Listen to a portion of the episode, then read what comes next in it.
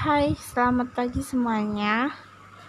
Uh, hari ini aku mau ngebahas tentang bukan tentang Nanggala bukan, terus bukan tentang konspirasi Nanggala. Itu apalagi tuh nggak etis banget.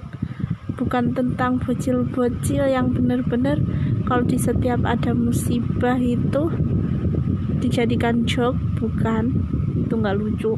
Aku mau ngebaca yang lain. Aku mau ngebahas soal dunia ini itu adalah apa namanya bisa dikatakan penjara bagi umat muslim. Kenapa penjara? Karena ya kita semua ngerasain lah di dunia tuh nggak enaknya seberapa difitnah sama orang kafir dicaci maki sama orang kafir gitu kafir ini bukan berarti nonis ya. Nah, orang muslim pun bisa menjadi kafir apabila dia nggak sholat gitu. Jadi memang dunia ini penjara bagi kita dan surga itu adalah tempat kita sesungguhnya bukan di dunia. Jadi kita mungkin bisa susah dulu di dunia kalau kita ngejalaninya sabar insya Allah kita bakalan uh, senang di surga gitu.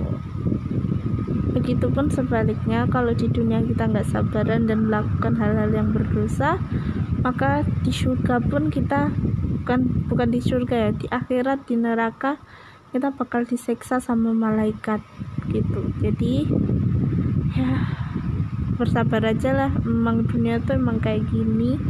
Campur aduk kayak soto kayak es campur. Banyak senang banyak susah banyak pahit. Dan umat muslim selalu dijajah di dunia. Dan selalu kalah dengan orang-orang yang nonis orang-orang yang mungkin ya jahat-jahat gitu pelit gitu ya karena emang kata Ustadz Adi Hidayat dan di dalam Quran juga dikatakan bahwa dunia itu penjaranya umat muslim.